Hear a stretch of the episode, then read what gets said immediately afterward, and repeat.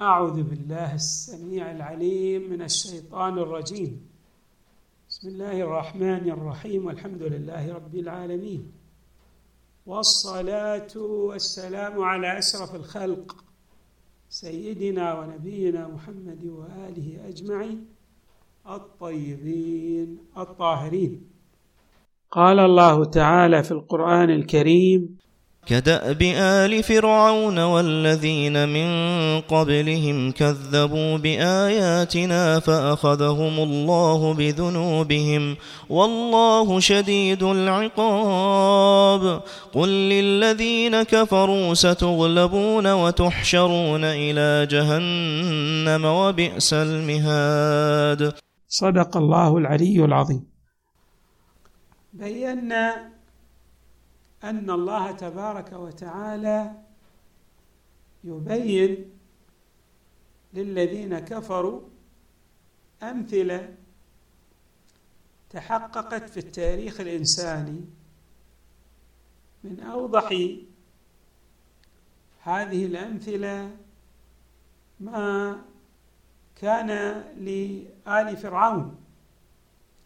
كيف أنهم حصلوا على تقدم هائل في المجال المادي. وظنوا أنهم بذلك التقدم وذلك الثراء المالي التقدم العلمي والثراء المالي أن ذلك يغنيهم من الله تعالى. ولكن الله تعالى يبين لنا أن الله أخذهم بذنوبهم فأخذ فأخذهم الله بذنوبهم والله شديد العقاب. ومعنى الأخذ ها هنا أنهم استحقوا العذاب بما كسبت أيديهم بما اكتسبت أيديهم من الذنوب. وأن ذلك الاكتساب من الذنوب أوجب لهم تلك العاقبة الوخيمة وهي الغرق لفرعون ولجنوده ولمن معه.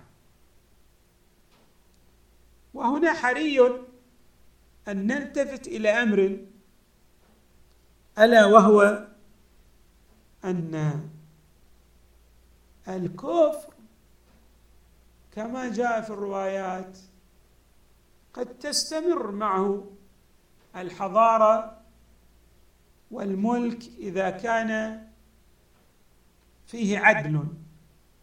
يعني فيه شيء من العدل إذا صح التعبير. قد تستمر تلك الحضارة وتستدام تلك الدول لكونها عادلة. بمعنى تعطي الحقوق لمواطنيها. ولكن إذا كان هناك اقتران بين الكفر والذنوب اقتراف الرذائل الابتعاد الواضح الفاضح عن النهج الإلهي. مثلا نلحظ أن فرعون كان ماذا يعمل؟ في منتهى الإجرام. يذبح أبنائهم ويستحيي نساءهم. إذا كان هناك كفر مع ظلم في الأعم الأغلب لا تستمر الحضارة. لا يدوم الملك. وهذه قوانين وسنن تجري على الأمم جرت على الأمم المتقدمة وستجري على الأمم المتأخرة.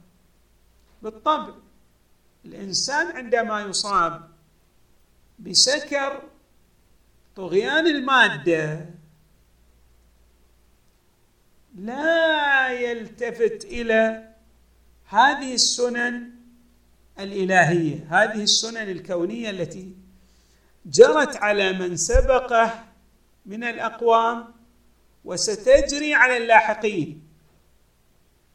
اذا قوله تعالى فأخذهم الله بذنوبهم. يبلور لنا هذا المعنى بأن مع الكفر هناك اقتراف لذنوب هناك اقتراف لجرائم.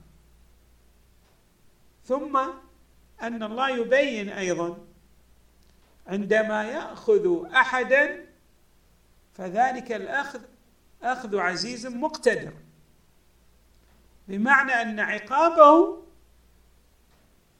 هو العقاب الشديد بحيث لا يقارن العقاب الذي يحل من غيره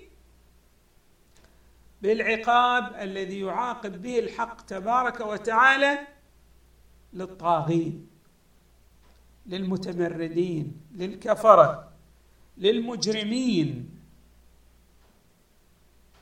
هنا حري بالإنسان أن يلتفت إلى هذه المعادلة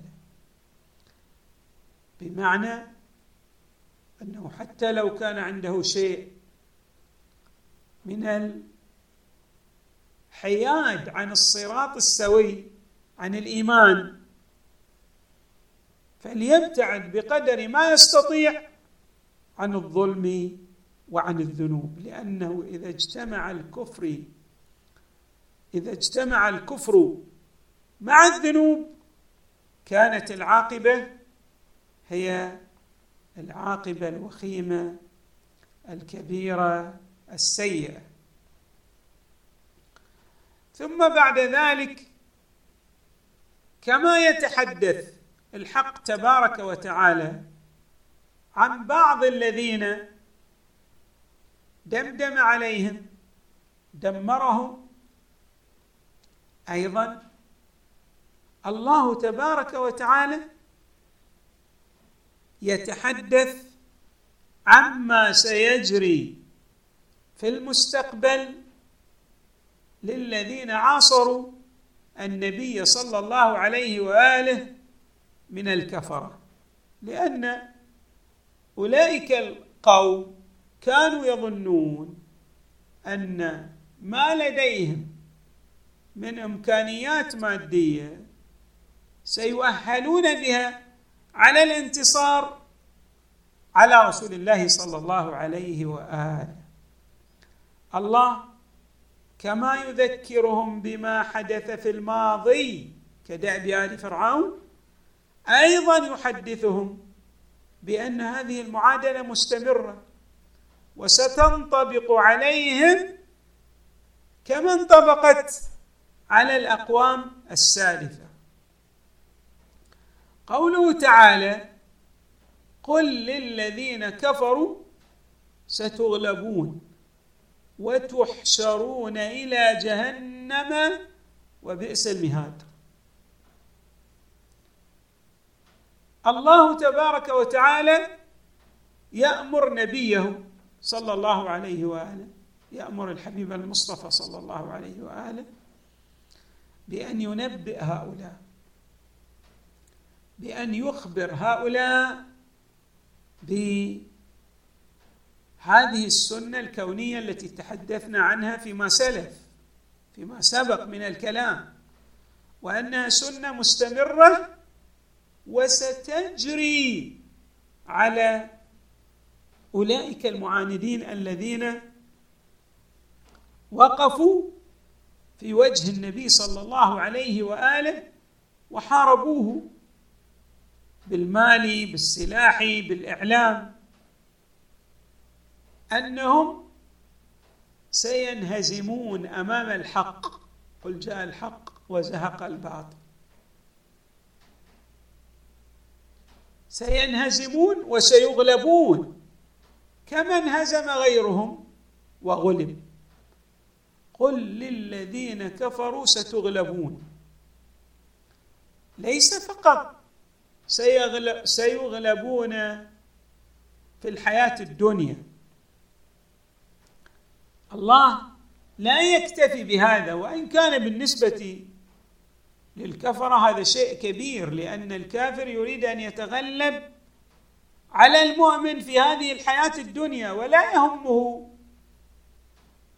عالم الآخرة.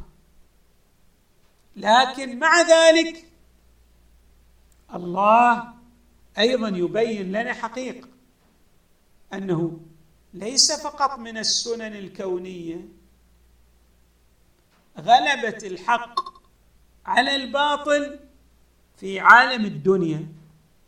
بل حتى أن هؤلاء الذين سيغلبون أيضا لهم جزاء. وهذا الجزاء هو أن يكونوا من أهل جهنم. وبئس المهاد. المهاد المكان الذي يستقر فيه الإنسان يعني يكون ممهدا. مكان الاستقرار الممهد يقال له مهاد. الله تبارك وتعالى يخبر هؤلاء الكفرة الذين قالوا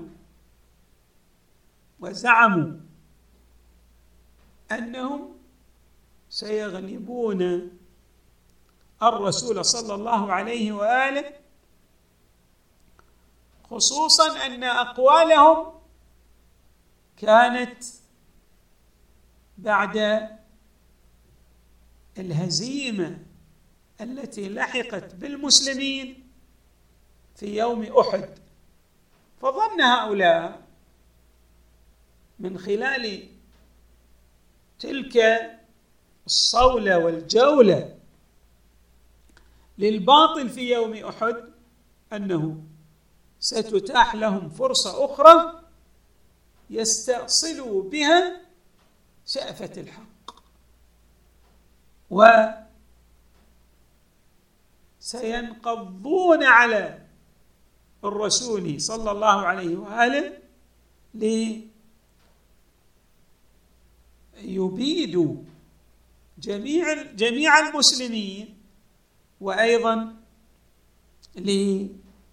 ليجعلوا الإسلام كما نعبر خبرا بعد عين. يعني سينهون الإسلام بما لديهم من إمكانيات. الحق تبارك وتعالى أول أمر من الأمور هو أنه ينبئهم بالنبأ الصادق. وهذه الآية في الحقيقة من معاجز النبي صلى الله عليه وآله. لأن بعد واقعة أحد والحديث الذي قاله الكفار والمشركون من أن الهزيمة ستحل بالإسلام حسب المعطيات التي كانت بين أيديهم الله أخبرهم. وقال لهم إن وقال لهم إن الأمر بالعكس تماما. يعني سترتفع راية الإسلام خفاقة على رؤوس المسلمين وسيحل ال... وسيحل الندم وستحل الهزيمة و ليس فقط الندم والهزيمة بهؤلاء الكفار. بل أيضا سينالون العقاب الإلهي الذي لا يمكن للعبارات أن تعبر عن مدى وشدة فظاعة ذلك العذاب الذي سيعتري هؤلاء من أهل جهنم. بحيث أن المكان الذي يريدون أن يستقروا فيه بعد حياتهم الحياة الدنيا. المكان الذي يرومون أن يستقروا فيه سيتحول إلى مكان ليس فقط لا لا استقرار فيه بل إلى مكان غاية في العذاب. ولهذا الله تبارك وتعالى يعبر عن هذا المعنى بأنه وتحشرون إلى جهنم وبئس المهاد. وبئس ذلك المكان. بئس تقابل نعمة. إذا أردنا أن نمدح شخصا نقول نعمة الشخص فلان. نعم العالم. نعم العابد. وإذا أردنا أن نذم نقول بئس. هنا الله تبارك وتعالى يقول وبئس المهاد أي بئس ما مهده هؤلاء لأنفسهم بوصولهم إلى هذه العاقبة السيئة التي ليس فقط جرت عليهم الوبال في دنياهم. وسينهزمون. بل أيضا ستجر عليهم الدرجات العالية. من العقاب الإلهي نتيجة لهذا الكفر والطغيان والتمرد على أمره تبارك وتعالى. والحمد لله رب العالمين. وصلى الله وسلم وزاد وبارك على سيدنا ونبينا محمد وآله أجمعين الطيبين الطاهرين.